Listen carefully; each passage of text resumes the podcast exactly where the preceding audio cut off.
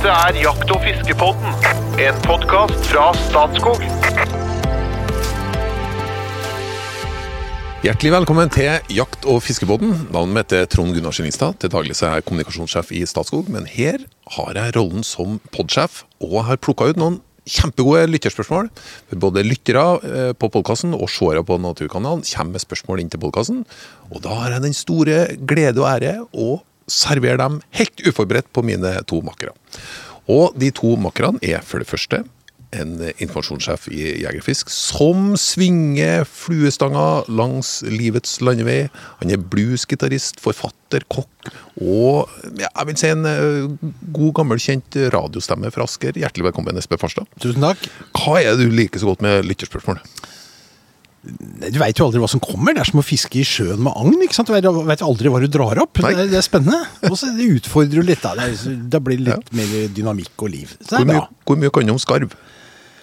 Oh, jeg har jo vært på skarvejakt. Jeg har skutt Ja, skarv. Ja. ja. da. Eh, kommer det spørsmål om skarv? Yes, det gjør det. Så, Da men du får ikke vite mer. Nei, men det, bare, da kan jeg bare jeg kan røpe da at jeg faktisk har en limerick i dag med skarv i, så det passer Ja, ja, ja, utrolig bra. Altså, det, er gøy.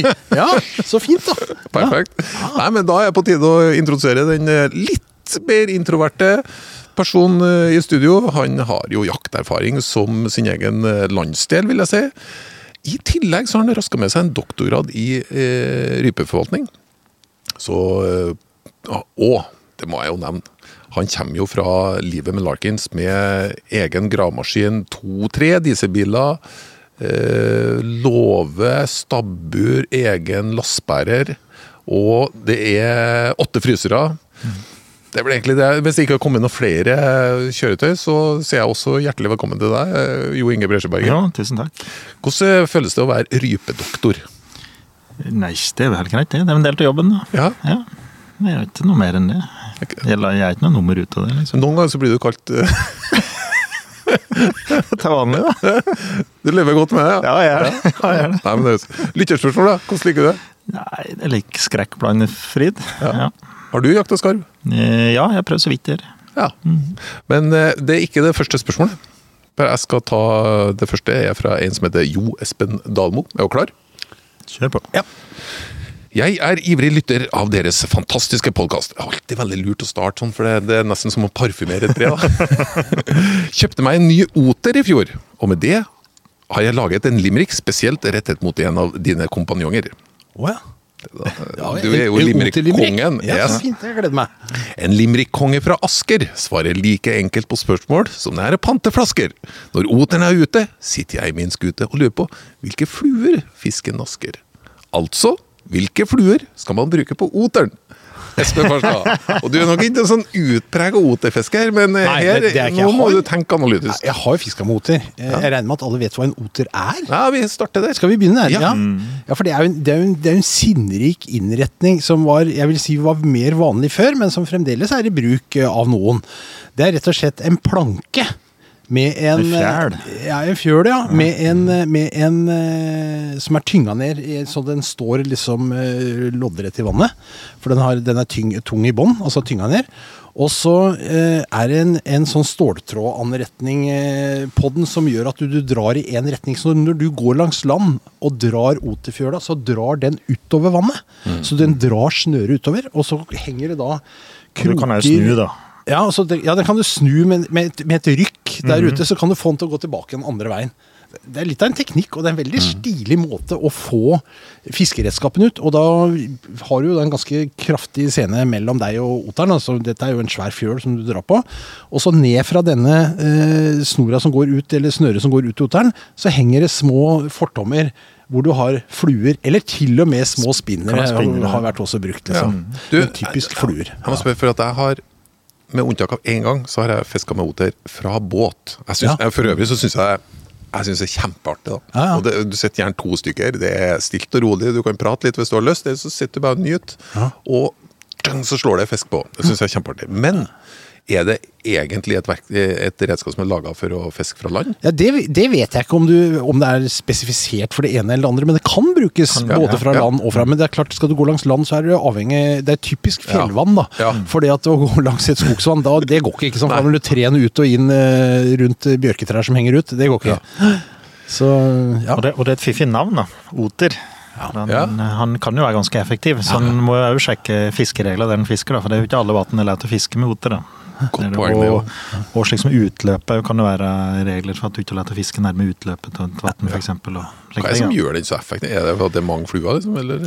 ja, det er det, og du kommer jo langt ut, ikke sant? Ja. Så, du så, så du fisker fisker store områder. areal, da, ja, fisker store områder, ja. Når jeg fisker med oter, da, så, så prøver jeg liksom, da følger jeg land, så jeg har en viss avstand til land hele tida. Så kan jeg, ikke sant, hvis jeg ikke lykken står meg bi, så, så justerer jeg avstanden litt. Er det, er det Ja. sånn man Ja, tenker? Det tror jeg er veldig vanlig å tenke. Ja. Du sneier odder, og du holder på, liksom. Ja. Du, ja, du koser deg med dette her.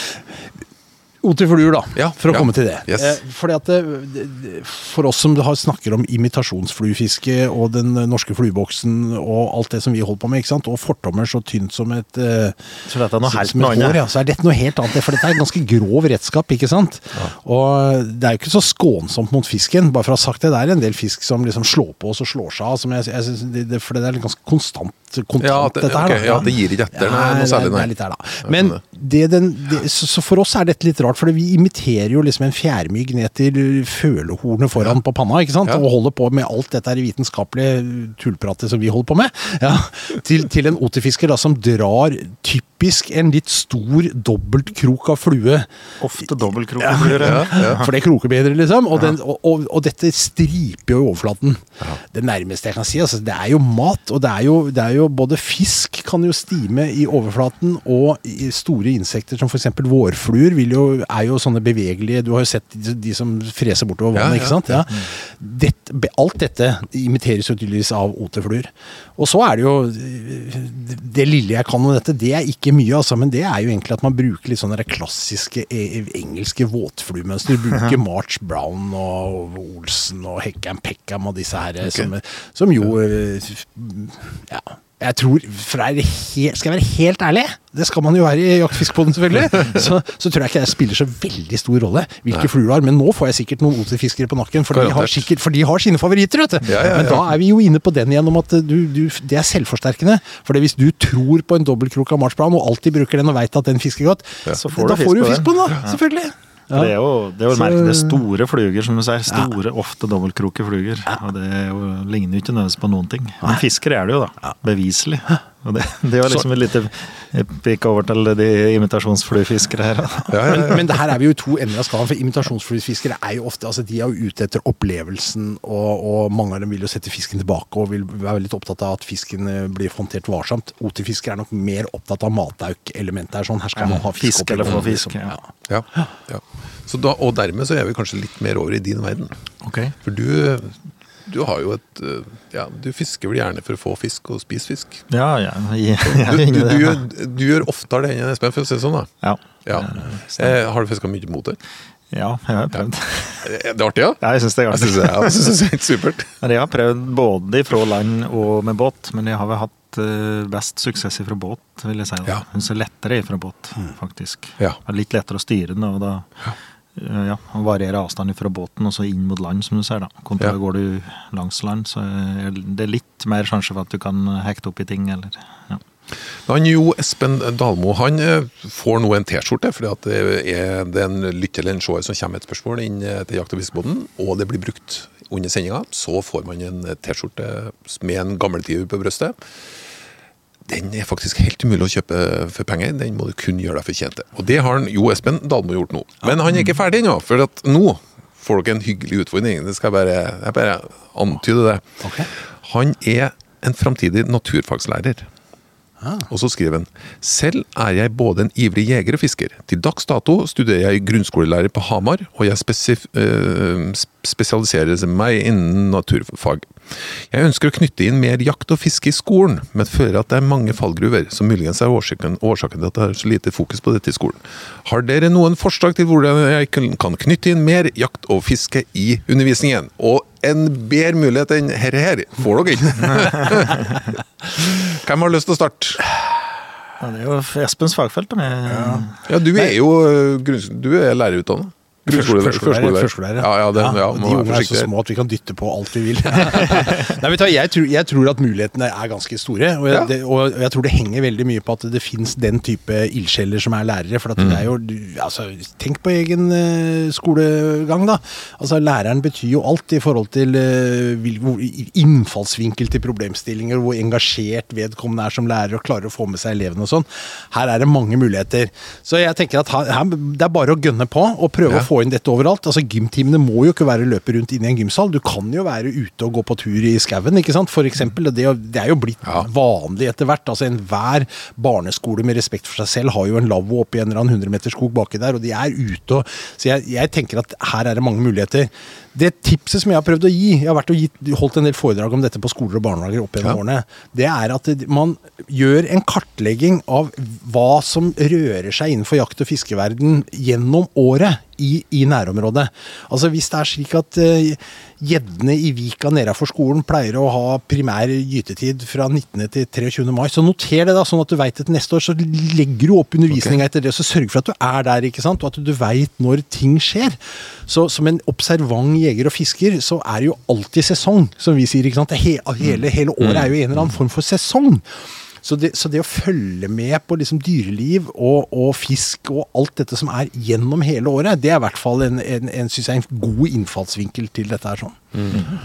Eh, Å bli kjent i nærområdet og kartlegge hva det er som egentlig, egentlig skjer der ute. Og så finnes det jo samarbeidspartnere. Jeg vet om en landsdekkende interesseorganisasjon som gjerne stiller opp i sånne sammenhenger. Altså Vi har jo jeger- og fiskeforeninger i alle landets kommuner. Ja. Vi er overalt, egentlig. Og veldig mange av våre foreninger er ute med skoler og barnehager og har en fiskedag, eh, tar dem opp og, og viser dem. Ja, til og med kan man jo dra på, hvis unga er store nok, på skytebanen eller hva det måtte være. Altså Det er liksom grenseløst hva du kan drive med her. Og vi er jo mennesker med store hjerter og, og mange ildsjeler, og stiller veldig gjerne opp på dette. Skal, jeg skal utfordre Jo Inge litt på, på jakt, men eh, litt, litt ekstra på fiske. For det, det mener jeg det, det i utgangspunktet er veldig sånn lav terskel inn til fiske. Men eh, for det første, eh, fiskeutstyr. Ja. Eh, går det an å låne seg? Er det kostbart kjøp, klassesett, eller hvilke muligheter finnes? Altså Det er mye billigere med et klassesett med fiskestenger enn en xylofon, som står øverst på det der høyeskapet høyskapet inne i klasserommet. ikke sant? Bare sånn, Nei, ja, ikke et vondt ord om xylofon altså. Jeg, musikk er viktig, det også. Ja, enig. enig. Så, så, men, men, men det er klart at man kan investere bitte lite grann. Altså, faktum er jo Vi har jo institusjonalisert barndommen. Vi har jo putta ungene i institusjoner. Og jeg er ikke noe motstander av det, bare for å sagt det, for jeg er jo førskolelærer. Jeg syns det er bra, jeg. Ja, Ja, men vi putter dem i barnehage, og så når de begynner på skolen, så er det SFO eller hva det heter. ikke sant? Og så er det skole, og så er det SFO, og så blir de henta gjerne. Og så det er lite tid, lite egentid ute i naturen. Og i gamle dager så foregikk jo mye av læringen knytta til jakt og fiske, den foregikk jo mellom barnegenerasjonene. Ikke sant? Store, vi strakk oss etter de store gutta og lærte å snare gjedda. av dem og holdt på? Dette blir på en måte borte når alle førsteklassingene bare leker med førsteklassingene og er inne i en sånn klam kommunal armhule hele tiden, ikke sant? Og blir tatt vare på av og, så, så da er det viktig at den som kommer inn som en lærer, sånn som denne personen her, da, som, eller lytteren som har sendt spørsmål, og så, at han tar med seg engasjementet sitt inn. For det fins rom for dette i skoleverket. Det fins mulighet for å gjøre dette. Men kanskje må han sprenge f.eks. arbeidstidsbestemmelsene. Altså, Du kan ikke ta med unga på orrfuglleik midt på dagen. Det må du gjøre tidlig om morgenen. ikke sant? Eller hvis du, ikke sant? Og det er jo sånn, Naturen er jo mest aktiv tidlig på, på, på morgenen, og seint på kvelden. Midt på dagen så skjer, da er det ikke noe rådyr midt ute på jordet. ikke sant? Skal du se rådyr i nærmiljøet, da må du ha tidlig oppmøte en dag. Så man må være villig til å strekke seg litt og sprenge noen grenser og tørre. ikke sant? For det, Naturen må sette premissene, og så må du tilpasse undervisninga av skolen etter det, ikke omvendt. Skjønner? Ja, det er gode innspill. Eh, jakt er pot potensielt litt mer kom- komplisert. Nå, var- nå begynte det å bevege seg inn på da. det i hele tatt å se på rådyr og se på en, eh, på en fugleleik. Men, Jeg tenkte eh, jeg skulle ja. fortsette litt på det, da. Eh, For jeg veit jo det, i en skolehverdag. Jeg har jo unger på småskolen, og det er jo, det er jo den ramma. Ofte, som du sier, og da er ikke eh, fisk og vilt nødvendigvis mest aktive. Og kanskje skal det være én time òg, ut fra Ja. skolen. Så det må være i nærområdet. Du må tilpasse Her har du nærområdet til skolen. Og, og utnytte det, så det ikke blir ekspedisjoner eller eh, blir vanskelig å få gjennomført det. da. Men hvis jeg hadde utfordra deg Jo Inge, og sagt at i din kommune så veit du om et sted hvor du kan dra ut i kveldinga og nesten garantert se elg som beiter. Ja. Du veit om et sted, ikke sant? Ja. Så kunne man tatt med unga ut dit. Ja. Men det er jo etter skoletid. Ja, ja. Så bare der ligger en liten utfordring, ikke sant? Og så må du ha den kunnskapen. Og skyss er òg en utfordring, vet Ja. jeg. For det er mange kommuner som ikke har råd til å sende unger med buss, Ja, eksempel, Så ja, må noen stille opp og kjøre da. Og da har du jo en eller annen eh, organisasjon, da, f.eks. Jeger og Fisk, som kan hjelpe til med det. Og jeg veit òg at eh, det er en del jeger- og fiskeforeninger som har jakt- og fiskeskoler. Ja. Og har òg laga hefte på det. Og de har jo kvelder, det er et sett med kvelder som de tar eh, skoleungdommer inn. da. Og driver med fluebinding og, og setter opp mårfeller og, og har dem på skutebaneanlegg. Mm. Det er et tips, da. Å Ja. gå og hente de. Ja. Det ligger jo i jeger- og fisksystemet i dag. Det er riktig. Mm. Kjempeidé. Så Fluebinding, for eksempel, det kan du få til på en skole, Ja. i en skoletime, for eksempel. Ja. Ja. Så, så det gjør noe. Og òg lage, laget av vilt, da. For eksempel. Det kan du gjøre på skolekjøkkenet. Så kan du Ja. ta vilt inn i det. ikke sant? Og, så jeg, som jeg sier, det å samarbeide med en lokal jeger- og fiskeforening, så er jeg helt sikker på at vi klarer å få til noe sammen. Og så forfølge det sporet. Jeg er glad i hjertet mitt når han er inne på Ja, det, det sporet der, må jeg si. Jeg tenkte det her var en ball på straffemerket for dere, altså. Eh, Men enn f.eks. å skjære ned, skjære ned et rådyr, da. Så, eller å liksom komme i kontakt med Ja, vi har mange av våre foreninger som gjør det. Ja. Både i skoler og barnehager. Ja. Og har med inn. Også, og det blir jo ofte litt eh, Ofte kan det bli litt sånn der reaksjon på det, for, det, for noen er dette veldig fremmed. Ja. Ja. Eh, og det skal vi ha en forståelse for, syns jeg. Også, Men, men ikke nødvendigvis for unger.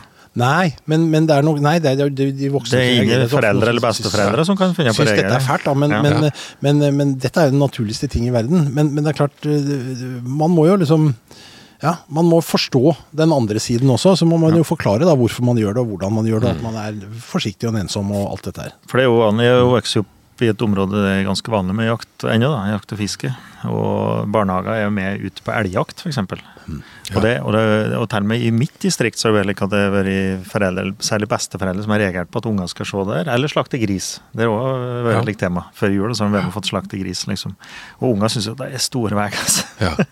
Kjempeartig å og inn og se og skatte og drive på med Man ser liksom hesten der de er på innsida. Liksom. For unger er ikke det rart. Men, eh, men det er da tydeligvis noen som vil beskytte dem fra det, og det, vi må ha respekt for det. da. Men eh, vi, jeg tror ikke unger tar skade av det. Det tror jeg ikke.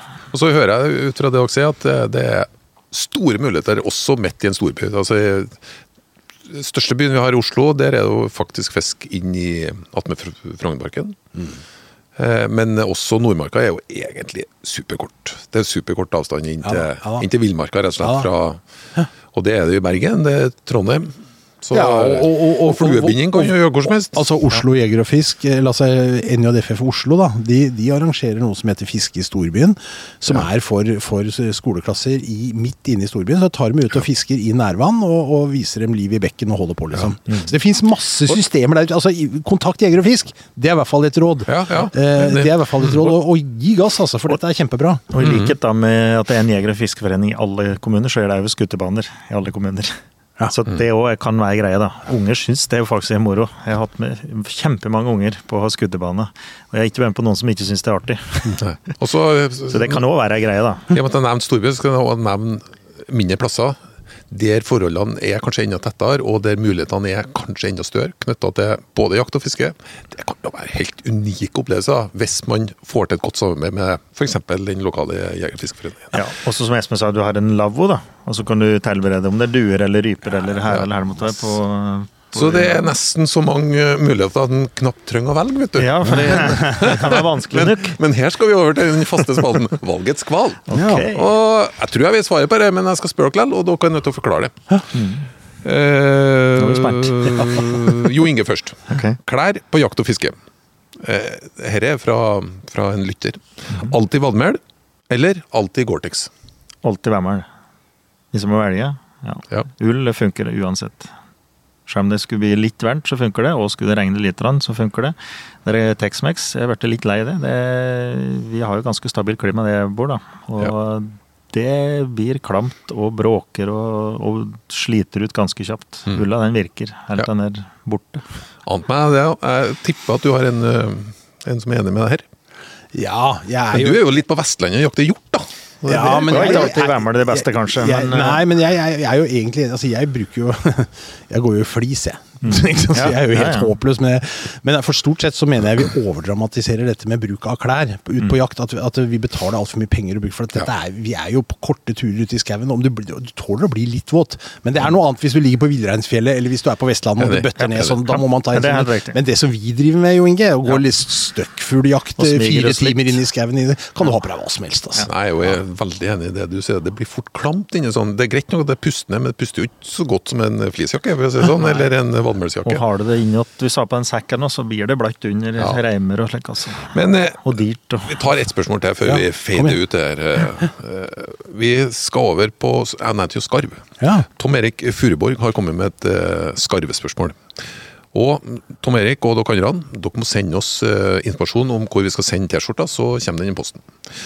Takk for en flott fredagspod. Ser at skarven nå er rødlista, noe samboeren min har fått med seg. Så nå trenger jeg alle gode argumenter for å jakte skarv, og samtidig bevare husfreden. Og så lurer jeg på, trenger jeg å ha dårlig samvittighet fra nå av, eller? Må jeg legge det på is i påvente av bedre tider? Hva dør egentlig skarven av, og hvorfor opplever man nå en nedgang i bestanden? Eh, jeg må nevne at jeg hovedsakelig skyter eh, mellomskarv. Jeg syns at inngangen her er veldig spennende, for at her, her er en kontinuerlig debatt. Ser at skarven nå er rødlista. Eh, trenger jeg ha dårlig samvittighet fra nå av, eller? Rødlista betyr det at, man, at den ikke er jaktbar?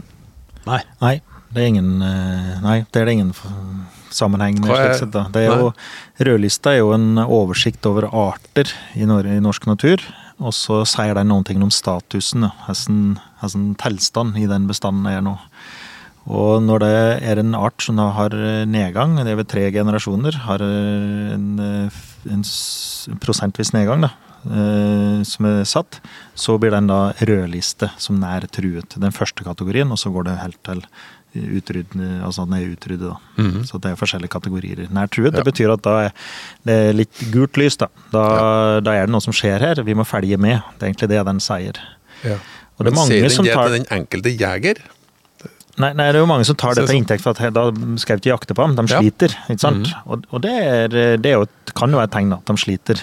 Ja. Eh, Men for å ta ett eksempel, da. Eh, Vi hadde reveskabben på 70- og 80-tallet. Ja. eh, Som rødrevbestand ble rett og slett nesten Han ble ikke utradert, men han gikk ned i hvert fall 75 Ja. Og den hadde da havnet på flere hakk lenger opp på skalaen. Sant? Mot Riktig. direkte røde. Det var ingen fare med rødreven. Ikke helt fint, det. Og hvis det, vi hadde fulgt samme kriterier da, så skulle den over rødliste den da, på 80-tallet. Mm. Og rødreven vi ser i dag, den har kanskje aldri hatt så tette bestander som den har nå. Mm. Så, så det, vi må ikke trekke den konklusjonen med en gang at han havner på rødlista, så er det en automatikk at den ikke skal jaktes. Nei. Og, og heller ikke at man altså, Rypa har, har gått ut av rødlista nå, ikke Ja. ja. Det var jo en del, på altså, ikke sant? det er jo en god del jegere som sier nei, jeg syns det er så lite fugl nå, jeg, vil- ikke jakte. Eller den er rødlista, jeg vil ikke jakte. Mm. Men det er vel egentlig eh, grunnere sånn som Statskog og andre grunnere som skal drive en forvaltning som sørger for eh, at den er i tråd med det bestanden tåler. Ja. Ikke hver enkelt jeger som skal si nei, nå er den rødlista, så nå bør ikke jeg Ja, jakte. Ja. det er nasjonale For å- myndigheter i forhold til jakttider, eventuelt ta den ut og inn og justere jakttida. Og så er det da eh, grunneiere for å åpne for jakt eller ikke, eller fredninger. Og så må vi òg se på grunnen til at den er rødliste, da. Og, og jakta er i veldig liten grad grunnen til at arter blir rødliste. Eller tatt ut. Ja, hvorfor tror må- dere skarven har uh... Ja, nå, nå er det viktig å ha tunga litt rett i munnen her, for Ja. det er ikke helt riktig å si at skarven er rødlista sånn uten videre. Det fins to, uh, kanskje tre arter skarv i Ja. Norge. Jeg skal komme til det. Ja. Ja, altså, vi, har, vi har nemlig vi har eh, toppskarv. Den er livskraftig. Den er utafor rødlista. Ok. Og så har vi eh, storskarv. Som da er på i mildeste kategori der, som heter altså eh, Hva er det heter for noe? Nær truet. Nær truet heter det, ja. ja. Men så fins det en underart av den som heter mellomskarv, som han jo også sier Ja, at det er den han jakter Yes, på. Ja. yes. Den er ganske ny i Norge. Den, den kom vel til Norge så vidt det var på 2000-tallet. 2002 eller noe sånt, tror jeg vi fikk første etableringene av mellomskarv i, i Norge. Og den kom fra nede i Europa, eh, hvor det har vært en eksplosiv vekst i mellomskarvbestanden. Eh, og, og til stor utfordring for, for innlandsfiskevann nedover i Europa, for den, den, den tar godt for seg, altså. Okay, ja. For å si det pent. Og det, nå er Vi man heller også, ikke jakter i alle land i Europa. Nå sier vi at det er, i, at, at det er rundt 2500 par med, med mellomskarv eh, som hekker i Norge. Det var ingen i år 2000. Så dette er jo ikke en art Så den er jo ikke i tilbakegang. Og så, så jeg, jeg tror at han som jeger skal bare være trygg på at eh, når Miljødirektoratet har satt jakttid på denne arten, så kan han jakte med god samvittighet. Ja. ja. Jeg, tror det, jeg, tror det er, tror det er det som egentlig er svaret her. Altså. Og det er jo ikke mellomskarven som er problemet her, da. Altså, den, den, eh, den er livskraftig, for den øker jo kraftig. Det er storskarven langs kysten som, som sliter, da. Jeg har allerede bestemt meg for at vi i framtida skal ha en episode om skarv. Men Vi har en limerick om skarv. du nevnte at du hadde noe på luringa, og nå, nå må du skynde deg. For nå er den har, egentlig, den har egentlig noe med nye jakttider å gjøre, for nå har vi jo fått nye jakttider, også Ja. på, på skarv og sånn. Men da, da, da jeg tar den. Yes. En fargeblind sjøfugljeger ifra Hvaler gjør akkurat som de nye jakttider befaler. For ikke skyte fugl med feil farver, skyter han kun ærfugl, svartann og skarver. Ja, det er kun svart-hvitt i hans jaktanholder. Oh. Sånn er det. Nei, men det var ikke det. det. Tom Erik, der fikk du en veldig sånn tydelig, en tydelig beskjed, som du kan si til samboeren. Det er mange instanser som følger med om en art bør være jaktbar eller ikke, og om det er jaktige på en art. Så det Som jeger så skal du føle deg trygg på at eh, de, de vurderingene er gjort. Selv, så det spiller ingen rolle om eh, arten er på rødlista eller ikke. Sånn sett. Vi kommer tilbake til jakt på skarv. For det, det er også en del lyttere som har spurt liksom, om, om vi ikke kan inn på den typen jakt. Men eh, nå vil jeg faktisk bare si takk for følget. Og jeg kan ønske velkommen tilbake og bare fade ut, men det skal jeg selvfølgelig ikke, for vi skal ha en Hot or not, tenker Ja, jeg. det skal vi. Og rekkefølgen på svarene er Espen og Jo Inge. Ja. Haregryte. Hot or not? Det er hot. Hot. Ja, Ja, det er hot, det det. er kjempegodt. Kokt ørret. Hot or not? Ja, hot. Ja, hot. Fellefangst etter mus. Hot or not? Eh, Det er hot. Ja, det er hot. Drilling. Hot or not? Ja, hot. Det er hot. Kombi. Hot or not? Ja, det er hot. Hot. Slugs. Hot or not? Ja, der er jeg nok litt på mått. Ja, ja hot, da. Nei, men det er supert. Namsosrockeren Chant sin eventyrlige låt 'Kongeriket Norge'. Hot or not?